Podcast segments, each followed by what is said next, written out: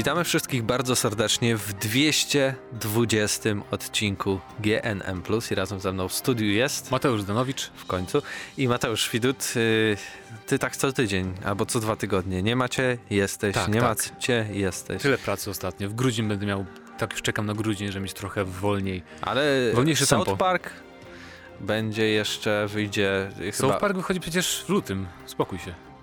South Park przesunęli. Ty mówisz o grze South Park Fractured Butthole? Przesunęli? Oczywiście już dawno temu. Co ty śpisz? Spokój się. Już dawno temu przesunęli grę właśnie na bodajże 8 lutego czy 7 lutego. Więc to jest stary, stara informacja. Więc proszę wiem. bardzo, najświeższe newsy w, G- w GNM+. To widzisz, przy- przydaje się, bo ja nie wiedziałem. No cóż. Wchodziłem chyba na gry online i tam nadal było chyba tam 8 czy 6 grudnia, więc... To dziwne. W grudniu wychodzi z większych gier tylko The Last Guardian, na który czekam bardzo. Wydaje mi się, że nikt nie czeka, bo w sumie się nie dziwię, nie? bo jednak to jest taka gra, która ona powstawała dekadę prawie, więc y, jakby nie dziwię się, że jakby wyleciała z radaru niektórych, znaczy wielu graczy tak naprawdę. No ale cóż, szkoda. Może powiedz, bo ja będę mówił o becie Steep więcej trochę, więc najpierw ty powiedz, co grałeś. E, Grałem w Rise Son of Rome, czyli tak jak zapowiadałem chyba na ostatnim GNM+. Udało, udało mi się w końcu odpalić grę. E, ona jest chyba bardzo krótka, bo...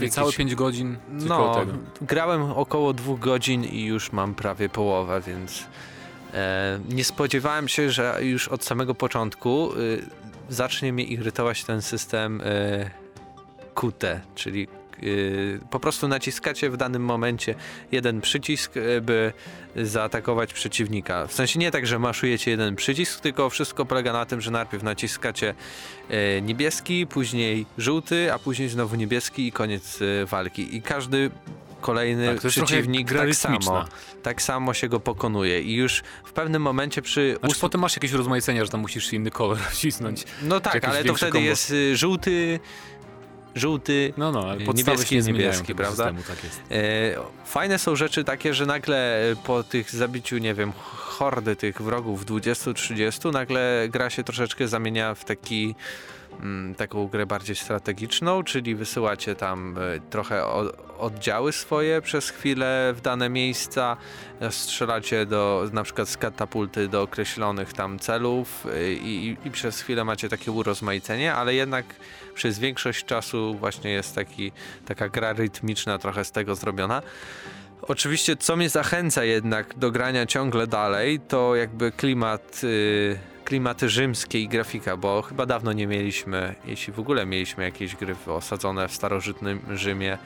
E, No nie, nie gry w tym stylu na pewno. Były strategie jakieś. no tak, ale inne. takie przedstawiające jakąś głębszą, głębszą historię. No gier, nie ma. gier akcji za bardzo nie było po No tak, tej, nie, nie było gier akcji. w tym settingu.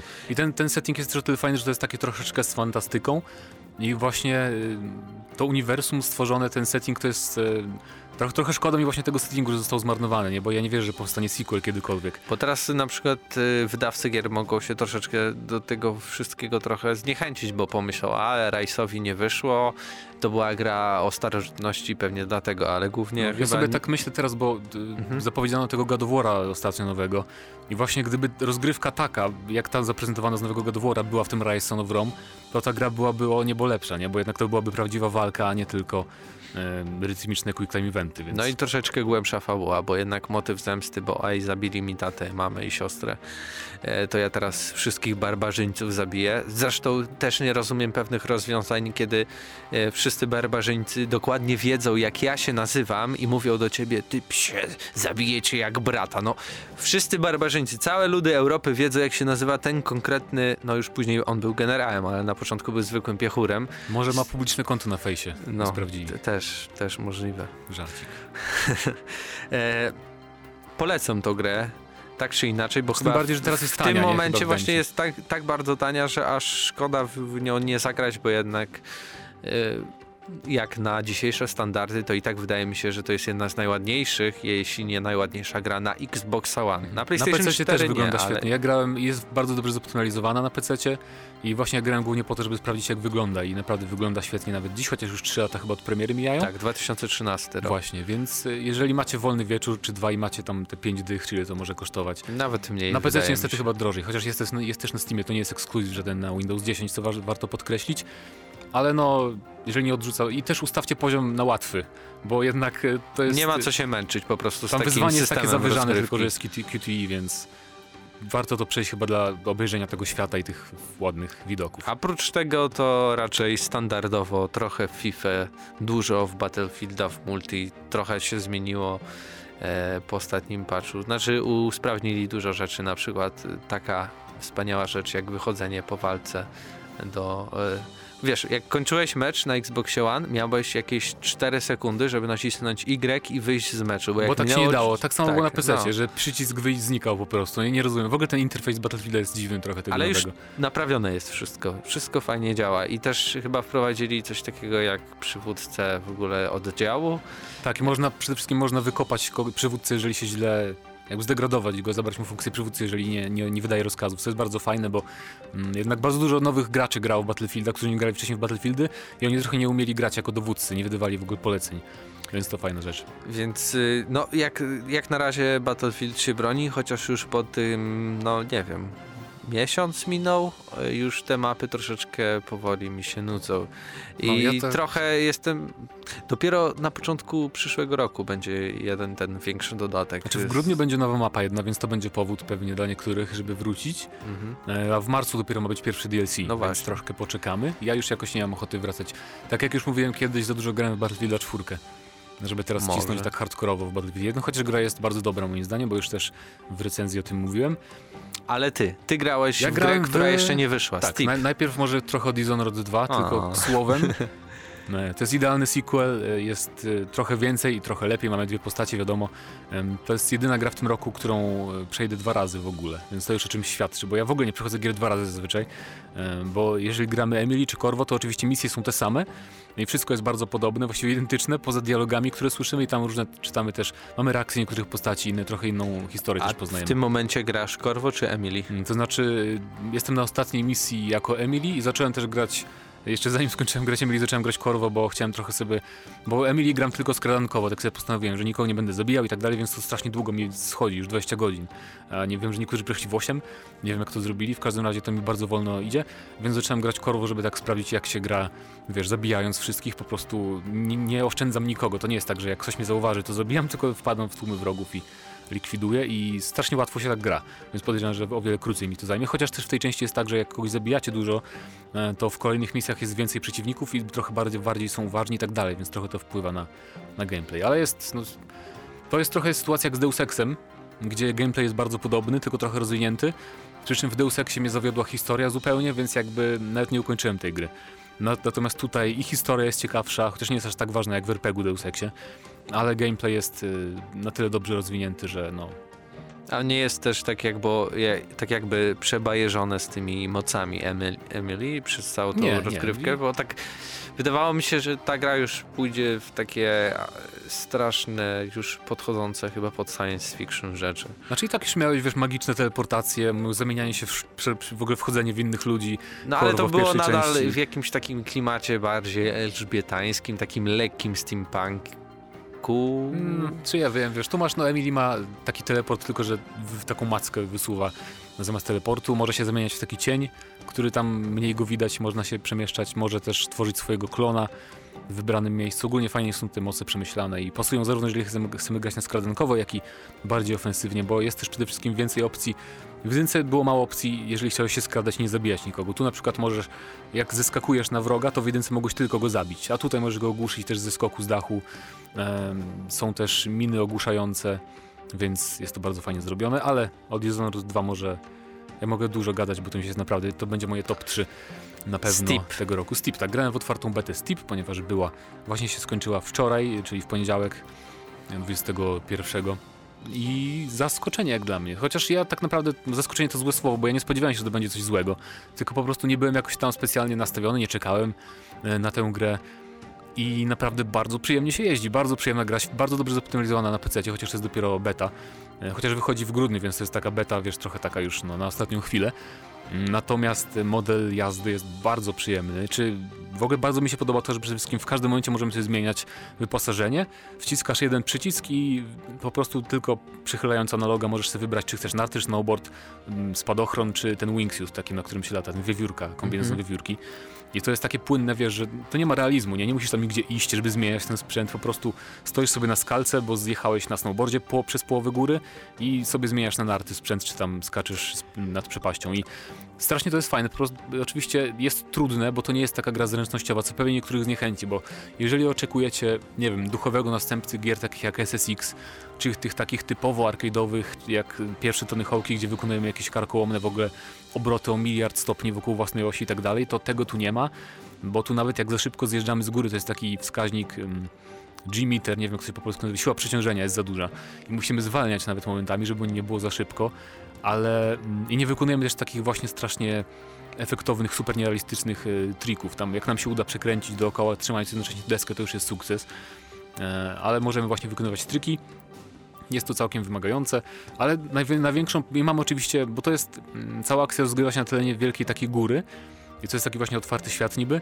Odblokowujemy kolejne punkty startowe, w których możemy zaczynać i możemy sobie po prostu zjeżdżać z góry w dół i tyle i robić co chcemy, ale mamy też pełno rozsianych po całej mapie mm, zawodów, różnych wyścigów, tam rywalizacja z innymi na punkty, czy tam ściganie się kto pierwszy dotrze, dotrze do mety więc jest tam bardzo dużo do, do roboty, ale mi najwięcej przyjemności sprawia po prostu to, że wybieram sobie punkt startowy na szczycie i jadę w dół i tyle. I właśnie omijanie przeszkód, drzew nawet zwykłych, zjeżdżając z całą prędkością e, to jest po prostu bardzo przyjemne i nie wiem, no... Nie wydaje ci się, że to jest taka gra na, nie wiem, dwie godziny i odstawienie? E, nie wiem, dla mnie to była taka gra, nie, sądzę, że kupię, bo jednak aż tak mnie to nie wciągnęło i mam za dużo gier do przejścia, żeby kupować nowy tytuł ale to by była bardzo przyjemna gra, żeby sobie włączyć od czasu do czasu i po prostu zjechać z góry, wiesz, bo naprawdę jest to bardzo przyjemny model sterowania i sterowanie jest bardzo intuicyjne i też śnieg bardzo fajnie, znaczy czujesz naprawdę, że czuć, że tą grę robił ktoś, kto naprawdę zna się na tych sportach, a nie ktoś, kto wiesz, chce zrobić jakąś efektowną zręcznościówkę właśnie, żeby tylko było mm, jak najbardziej arcade'owo, więc e, i bardzo fajnie się na to patrzy, jak śnieg się ugina pod tym wszystkim e, i czy jeździć na nartach, czy na snowboardzie, to jest trochę inaczej więc ja bym wam polecał, chociaż szkoda właśnie, już pewnie nie będzie otwartej bety kolejnej, ale pewnie wielu was, z was grało, chociaż nie wiem, bo trochę ta beta była tak mało reklamowana, wydaje mi się troszkę. Ale no, mi się spodobało. I pewnie kupię kiedyś, kiedy już troszkę będę miał mniej rzeczy do ogrywania. Zima trochę jeszcze trwa, więc może, może, może kupię latem, żeby sobie przypomnieć zimę. A propos Ubisoftu, taki big news, już nie ma Uplaya, tylko jest sklep Ubisoftu. Tak? Ja jeszcze dzisiaj włączałem Uplay, więc może to jakieś ich plany przyszłościowe są. Chyba, że tak, ale coś takiego e, obiło mi się o uszy, ale to tak abstrahując troszeczkę.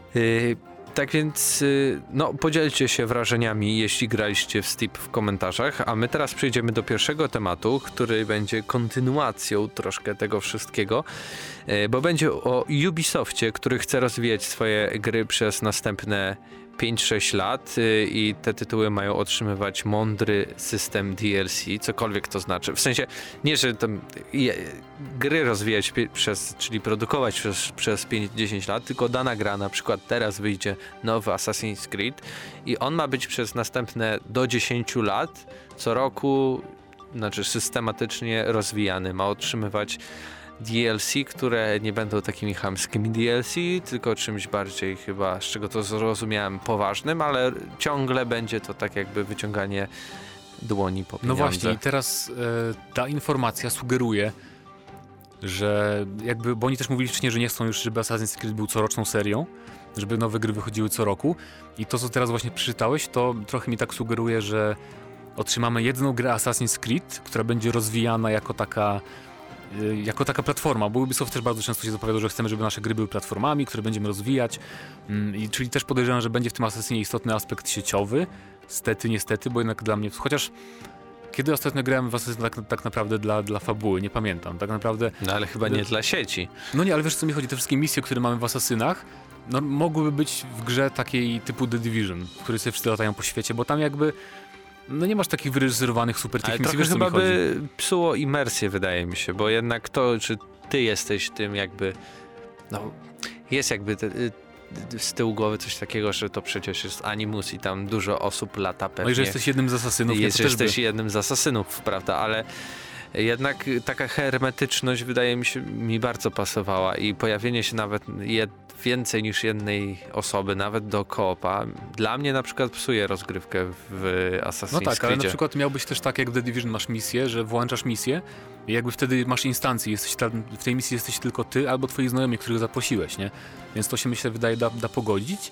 No i tym bardziej jak tam oni mówią, że chcą rozwijać grę przez kilka lat, no to trochę bez sensu byłoby, wiesz, wydać asasyna, rozwijać go przez kilka lat, wydawać cały czas duże dodatki, a w międzyczasie wydać kolejnego asasyna, to się nie klei trochę, nie? Więc wydaje mi się właśnie, że będzie taka sytuacja, że otrzymamy jedną grę, która będzie otrzymywała duże, mm, duże dodatki, tak jak teraz The Division otrzymuje te duże DLC.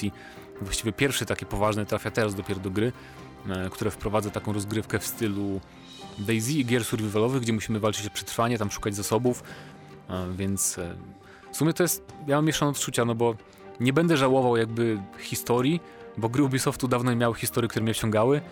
Nie wiem, no co oni Znaczy, wydawali wiesz, tak naprawdę. Assassin's Creed y, Far Cry tam naprawdę historia się No to liczyła. tak, Na no początku to- były fajne scenki, a potem to już się rozmyło i tak naprawdę dotało się do ikonki, do ikonki. Far Cry 3 był ostatni taki w miarę, który y, jakby to fabułą coś tam próbował opowiedzieć, ale już te kolejne i czwórka i Primal, w który nawet nie grałem, ale wydaje mi się, że tam to było jakby takim czymś pobocznym. E, no, No ale właśnie. tutaj a propos jeszcze tej monetyzacji, bo tutaj mam cytat znalazłem. Monetyzacja to coś, z czym musimy bardzo być ostrożni, a mój zespół jest odpowiedzialny za to, by upewnić się, że znaleźliśmy właściwą równowagę. No to taki trochę PR-owski Takie bullshit. typowe gadanie. Znaczy oni, Ale to jest się- właśnie problem taki, ile za takie rzeczy powinno się brać pieniędzy, prawda?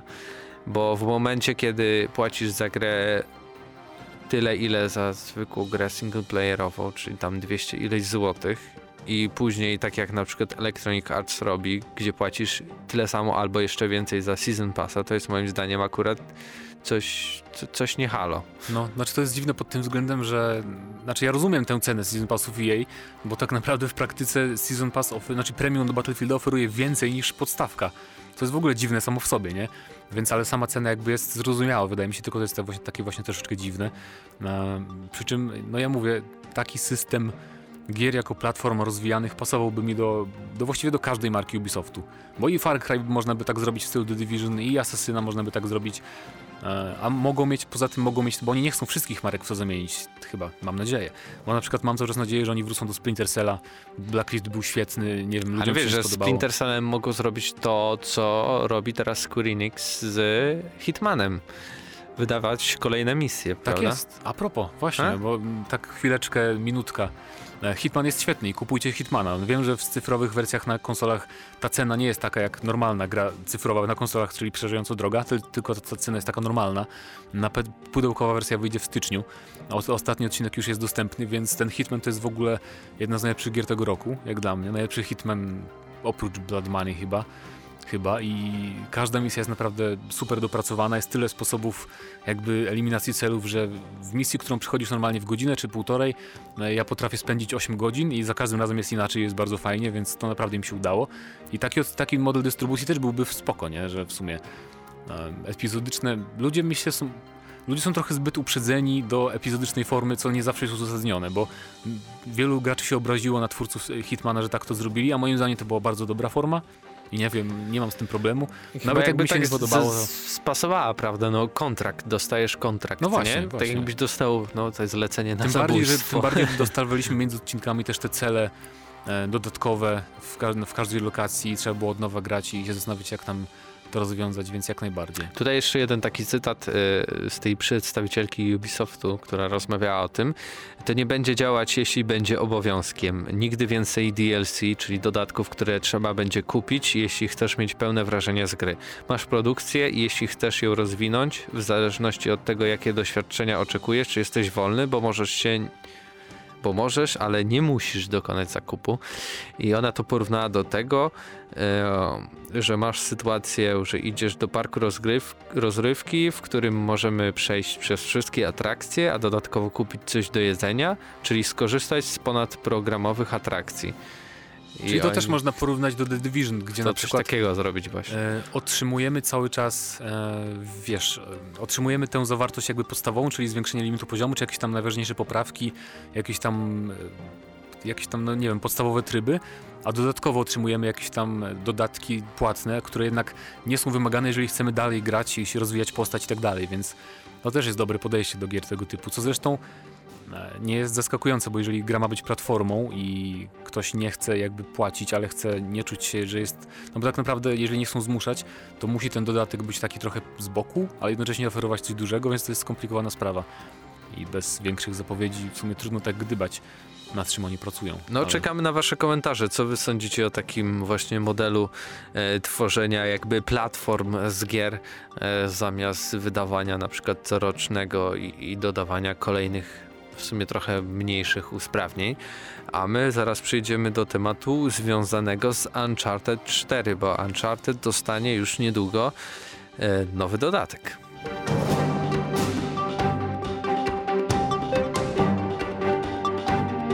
Przedstawiciele Naughty Dog e, zapowiedzieli, że już w połowie grudnia, e, zgodnie z zapowiedziami, w sumie miało być jesienią, więc troszkę się opóźniło.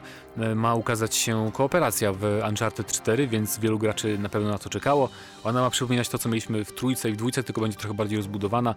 Trójka graczy maksymalnie zmierzy się z 50 falami przeciwników i to będą wrogowie głównie znani z kampanii, chociaż mają być też bossowie, których nie było w kampanii, to znaczy będziemy walczyć z tymi legendarnymi piratami, co bodajże co 10 fal, czyli będzie 5, 5 bossów w sumie, e, które będą mieć jakieś tam specjalne, no bo wiadomo, jeżeli graliście w podstawkę, zresztą łatwo się domyślić, że to nie będą normalni ludzie, tylko wskrzeszeni właśnie piraci, czy tam ich duchy, więc e, będzie urozmaicona walka z nimi, jakieś tam specjalne moce będą w ich arsenale. E, I to ma być chyba też 10 map przeznaczonych do tego trybu. Oczywiście to będą mapy zaakceptowane, znaczy przerobione trochę z trybu multi, a nie zupełnie nowe. I powiedziałem że będzie darmowy? Chyba tak. Także to będzie bezpłatny dodatek. Mm, będzie wymagał oczywiście plusa, będzie można grać solo też, jeżeli będziemy chcieli. Mm, prawdopodobnie nie będzie koopa na podzielonym ekranie, trochę szkoda. Ale jakby to wyglądało solo? No, no to znaczy, to wiesz, odpalasz e, grę i sam walczysz z przeciwnikami wszystkimi, więc jest pewnie trochę trudniej. E, więc to, to, nie jest nic zachęcającego, ale jak ktoś chce sprawdzić, albo nie, nie masz na przykład PS Plusa, akurat chcesz sobie mhm. postrzelać, no, to włączasz tam na, na najłatwiejszym poziomie i grasz. Więc e, fajnie, ja chętnie wrócę do Uncharted, bo jakoś nie grałem ostatnio no, już w multiplayer, bo troszkę mi się przejadło, też mam inne gry od multi regularnego, ale do koopa chętnie wskoczę, tym bardziej, że jak już mówiłem przy okazji premiera Uncharted, mm, model strzelania naprawdę mi się bardzo podoba w tej odsłonie, więc co jest najważniejsze w trybie hordy? No strzelanie, więc jak najbardziej będę miał powód, żeby znowu zagrać. I Jestem też... ciekawy, czy tam będzie jakiś taki aspekt fabularny w tym wszystkim. Znaczy to niby ma być jakaś tam przygoda mhm. kooperacyjna, więc to trochę tak sugeruje, ale z drugiej strony no nie bardzo wiem jaka może być fabuła w Hordzie, gdzie masz naprawdę kolejne fale przeciwników po prostu. E, więc nie wiem, ciekawa sprawa. Ale a propos fabuły, to mamy też plotki e, o dodatku fabularnym pierwszym, e, w którym ma być to nie będzie w sumie spoiler, no bo ma, ma Historia się skupić, sama. Ma się skupić tak na postaci sama, czyli brata Natana Drake'a i bodajże ma się też pojawić Victor Sullivan, czyli jeżeli graliście w podstawkę Uncharted 4, to wiecie mniej więcej kiedy akcja tego DLC by się rozgrywała, bo to jest bardzo tak oczywiste, oczywiście jakby hintowane na końcu Uncharted 4. Mm, nie pojawi się pewna postać niestety, stety, ale to też nie mogę powiedzieć, bo będzie spoiler, mm, na którą liczyłem trochę. E, no i, i tyle, nie? I w grudniu, 1 grudnia, kiedy będzie Video Game Awards, ma zostać zaprezentowany ten dodatek po raz pierwszy. Chyba też tak samo prezentowali dodatek do tego mm, The Last of Us też na tej gali, więc wszystko się zgadza. I on ma się ukazać w przyszłym roku, przy czym dodatek fabularny będzie już na pewno płatny, nie tak jak wszystkie DLC do multiplayera. No i w sumie chyba czekam, nie wiem, no tak naprawdę Uncharted 4 to była dla mnie przygoda na jeden raz, tak naprawdę denerwowały mnie niektóre walki w tej grze, E, denerwowało mnie wspinanie się, które nie wiem po co tam jest cały czas w tej serii, ale ogólnie to była bardzo fajna przygoda, mm, tylko nie wiem czy przygoda brata może być też tak, wiesz, epicka, jak, jak przygoda Drake'a, chociaż czemu nie? nie no to nie rodzina Drake'ów, więc w sumie wiesz. To ta sama krew, nie? Nawet bardziej porywczy i awanturniczy wydaje mi się sam momentami, więc to może być coś ciekawego. E, no i, ale nie, nie powiedziałbym jakoś, że jakoś specjalnie się jaram. Na pewno mniej mniej się ekscytuję niż jak zapowiedzieli właśnie dodatek do The Last of Us. Szczerze powiedziawszy, znaczy z perspektywy czasu, to dodatek do The Last of Us to jest wycięty, wycięta jedna sekwencja. No tak, ale jednak, z The Last of Us. ale jednak, bo nie wiem, czy też masz takie wrażenie, że gdyby ten do- The Left Behind był w The Last of Us, To by było trochę wypełniaczem. to by było takim trochę wybiciem z rytmu zupełnie. Tak, tak sobie teraz myślałem właśnie, jak gracze narzekali na to, że to było wycięte. Wiesz, ale nie, bo, bo w dodatku widać to. Y, Te rzeczy, które działy się jakby w- ciągłości z grą, to mogły być wycięte, ale to, co by wybijało, czyli historia prawda, Tak, to dziewczynki, która była nie? Tak retrospekcją, więc Więc jak To mnie faktycznie. absolutnie nie czułem, że tam coś wycięto, jak grałem w The Last of Us, więc nie wiem.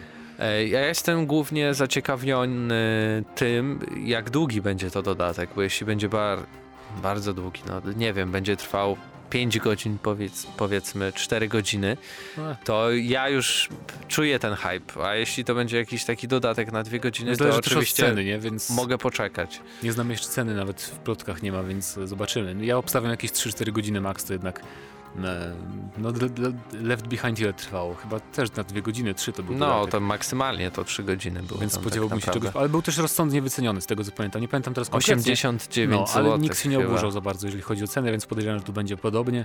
E, No i czekamy na 1 grudnia.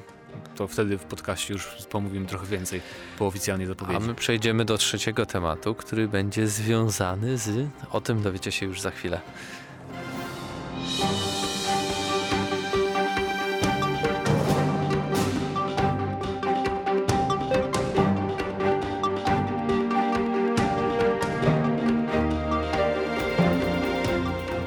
Trzecim tematem y, jest nawiązanie współpracy przez y, Microsoft y, z Oculus Riftem. Okazuje się, że już w grudniu będziemy mieli możliwość, jeśli posiadamy mocnego PC-ta e, i gry e, z Xboxa One także na PC-cie, e, w zagrania na jakby hełmach wirtualnej, a dokładnie tym jednym Oculusie, hełmie wirtualnej rzeczywistości, między innymi w takie hity jak Forza Horizon 3, Gears of War 4, Halo 5 Guardians i chyba jak... A, jeszcze... Nie, to na ten moment chyba tyle, jeśli chodzi o, o gry, które będą dostępne w grudniu, ale oczywiście e, więcej będzie się pojawiało systematycznie. I tutaj taki troszkę temat, no bo wiadomo, koniec informacji, ale taki temat e, ciekawy, bo na pewno pojawiały się informacje, gdzie Microsoft miał sam przygotowywać e, takie VR-y dla, dla jakby systemów i urządzeń Microsoftu. Tu nie było powiedziane o, o Xboxie, ale, ale e, komputerach wszystkich Microsoftu, więc to trochę dziwna decyzja, że akurat z Oculusem Znaczy, czy w ja tym wiem, momencie przecież... się tak, wiesz, na- nawiązują współpracę. Ale to nie jest nowość, że z Oculusem przecież... E... Ale też z drugiej strony, czy myślisz, że e, Oculus może za jakiś czas stać się takim właśnie e, jakby hełmem wirtualnej rzeczywistości dla Xboxa? Na dla pewno. Xboxa Scorpio? Wydaje Czy- mi się, że tak. Tym bardziej, przy czym oczywiście nigdy nie wygra cenowo z, z PlayStation VR, chociaż wiadomo, że twórcy Oculusa zapowiadali, że oni chcą jakby stopniowo zmniejszać, zmniejszać ceny tego e, sprzętu, więc możliwe, że tak właśnie będzie, bo ta współpraca Oculusa z Microsoftem już, to już jest od chyba od roku nawet znana, bo już nawet do Oculusa dołączane były pady y, Xboxa One, to też była część tej umowy, ale nowością jest to, że Oculus ma wspierać, z tego co zrozumiałem, ekskluzywy na Xboxa No One, tak, tak? tak, tak. Czyli Halo 5 na przykład, to jest świetna sprawa moim zdaniem. Jeżeli dobrze zrealizują te gry, to naprawdę może być coś, coś e, świetnego, czy nawet, nie wiem, Forza Horizon. No to będzie w Czy- końcu czy- jakiś taki, wiesz, y, odpowiedź na Drive Cluba na przykład w VR-ze. No właśnie, więc jak najbardziej pozytywne myślę. Przy czym oczywiście cały czas ta kwestia ceny, o której powiedziałem, no jednak Oculus kosztuje swoje, 2000 zł z kawałkiem nawet chyba. Mm, Więc e, jeżeli jeszcze ukaże się Scorpio, No ale wiesz, właśnie 2000. ukazuje się Scorpio, oni obniżają cenę e, Oculusa, który zaczyna współpracować i trochę ma, na przykład nowsza wersja Oculus 2.0, nie? Kosztuje 1700 zł, bo już jest obniżona e, już cena do tego i jest sprzedawany z, e, od razu w zestawie ze z Xboxem Scorpio. No to to by było coś naprawdę. Tym bardziej, że na pewno wyglądałyby lepiej gry niż na PSVR, bo i, i Scorpio będzie silniejszy niż PS4 Pro i Oculus jest lepszy niż PSVR, więc to by było coś dla takich ludzi, którzy, którym nie przeszkadza. Chociaż ja tam nie wiedziałem, żeby ludzie się żalili na jakoś grafiki w PSVR, ci, którzy grają, bo wydaje mi się, że na razie ta wirtualna rzeczywistość jest na tyle nową technologią, że wszyscy się zachwycają samym faktem przebywania w tym wirtualnym świecie nie zwracają uwagi na oprawę za bardzo. Ale za rok to już może być przewaga, myślę, Microsoftu, jeżeli faktycznie będą robić jakieś bundle z, z Oculusem, Xboxa Scorpio, jeżeli to będzie rozsądne cenowo też to jest ważne. Się wydaje, że to właśnie taka jedna z głównych kwestii, dlaczego, dlaczego w ogóle e, Scorpio i sama zapowiedź oficjalna tej konsoli czeka do przyszłego roku, że nie dostaliśmy, bo znając życie Microsoft chciałby wydać to e, na równi z Sony, tylko właśnie jakby pomyślał taki i zaryzykował, żeby no bo w takiej stagnacji troszeczkę Ale stoi myślisz, nie, ten bo Xbox. mówisz o Scorpio teraz? Tak, Znaczy bo, oni- bo jakby Xbox sam stoi w takiej stagnacji. Mamy Xboxa, który jest konsolą. Fakt odpala 4K, ale no to whatever, kogo to interesuje.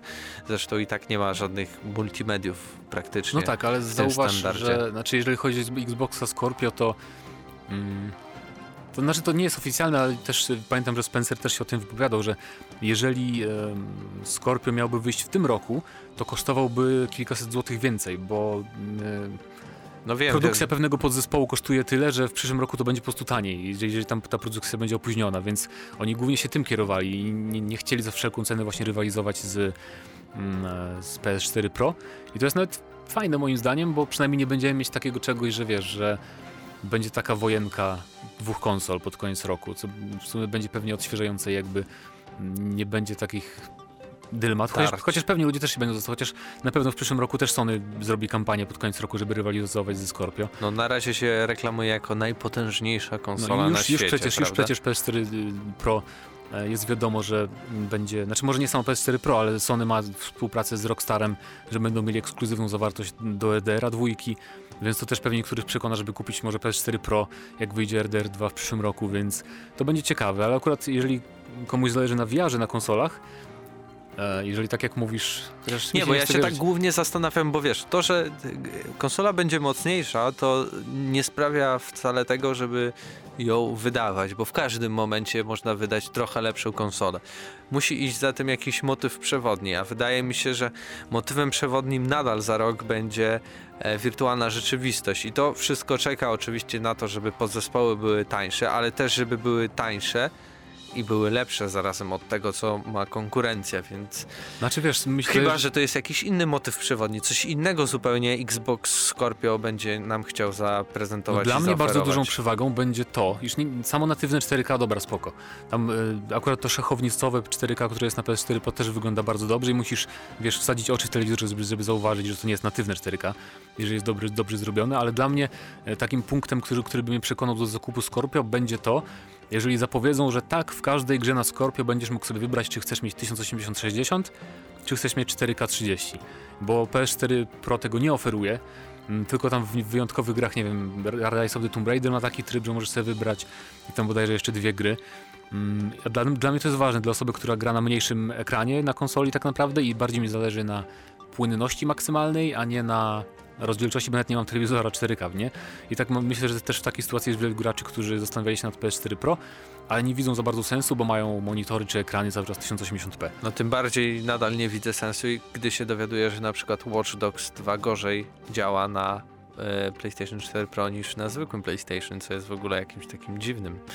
No, to zabiegiem. jest kwestia dopracowania chyba, bo Sony, Sony ma wyznacznik, między Sony wydało instrukcję, że nie może działać gra gorzej na PS4 Pro, więc to jest na pewno kwestia, wiesz, jeszcze nieogarnięcia, niedoświadczenia twórców chyba z tą, e, z tą platformą, więc, ale tak jak mówię, jeżeli Scorpio zaoferuje na, w każdej grze te tryby do wyboru, że mogę sobie zagrać w 60 klatkach e, w każdej grze, to, to pewnie kupię tę konsolę, bo to już będzie, nie mam Xboxa, One, nigdy nie miałem, tym bardziej dla mnie to będzie takie, wiesz, e, uzasadnione, bo jeżeli ktoś ma Xbox One nadal i nie zależy mu na graficznych ulepszeniach, to może niekoniecznie. No to w takim razie czekają cię za rok dwa poważne, duże zakupy Nintendo i Xbox. No tak, ale Nintendo 1300 zł i w No, marcu oby, na szczęście, oby, oby, na szczęście Scorpio pod koniec roku, więc y, to spory odstęp dam radę może. Zobaczymy. Tak więc to był 220 odcinek GNM+. No i czekamy na wasze komentarze. Subskrybujcie, łapkujcie, mówcie swoim znajomym o nas. No a my słyszymy się już za tydzień. Pewnie nie z Mateuszem Zdanowiczem, No jak sorry. to y, ma swój grafik dwutygodniowy, ale na pewno y, podcast będzie. Tak więc razem z wami byli Mateusz Zdanowicz. i Mateusz Widut. Do usłyszenia za tydzień.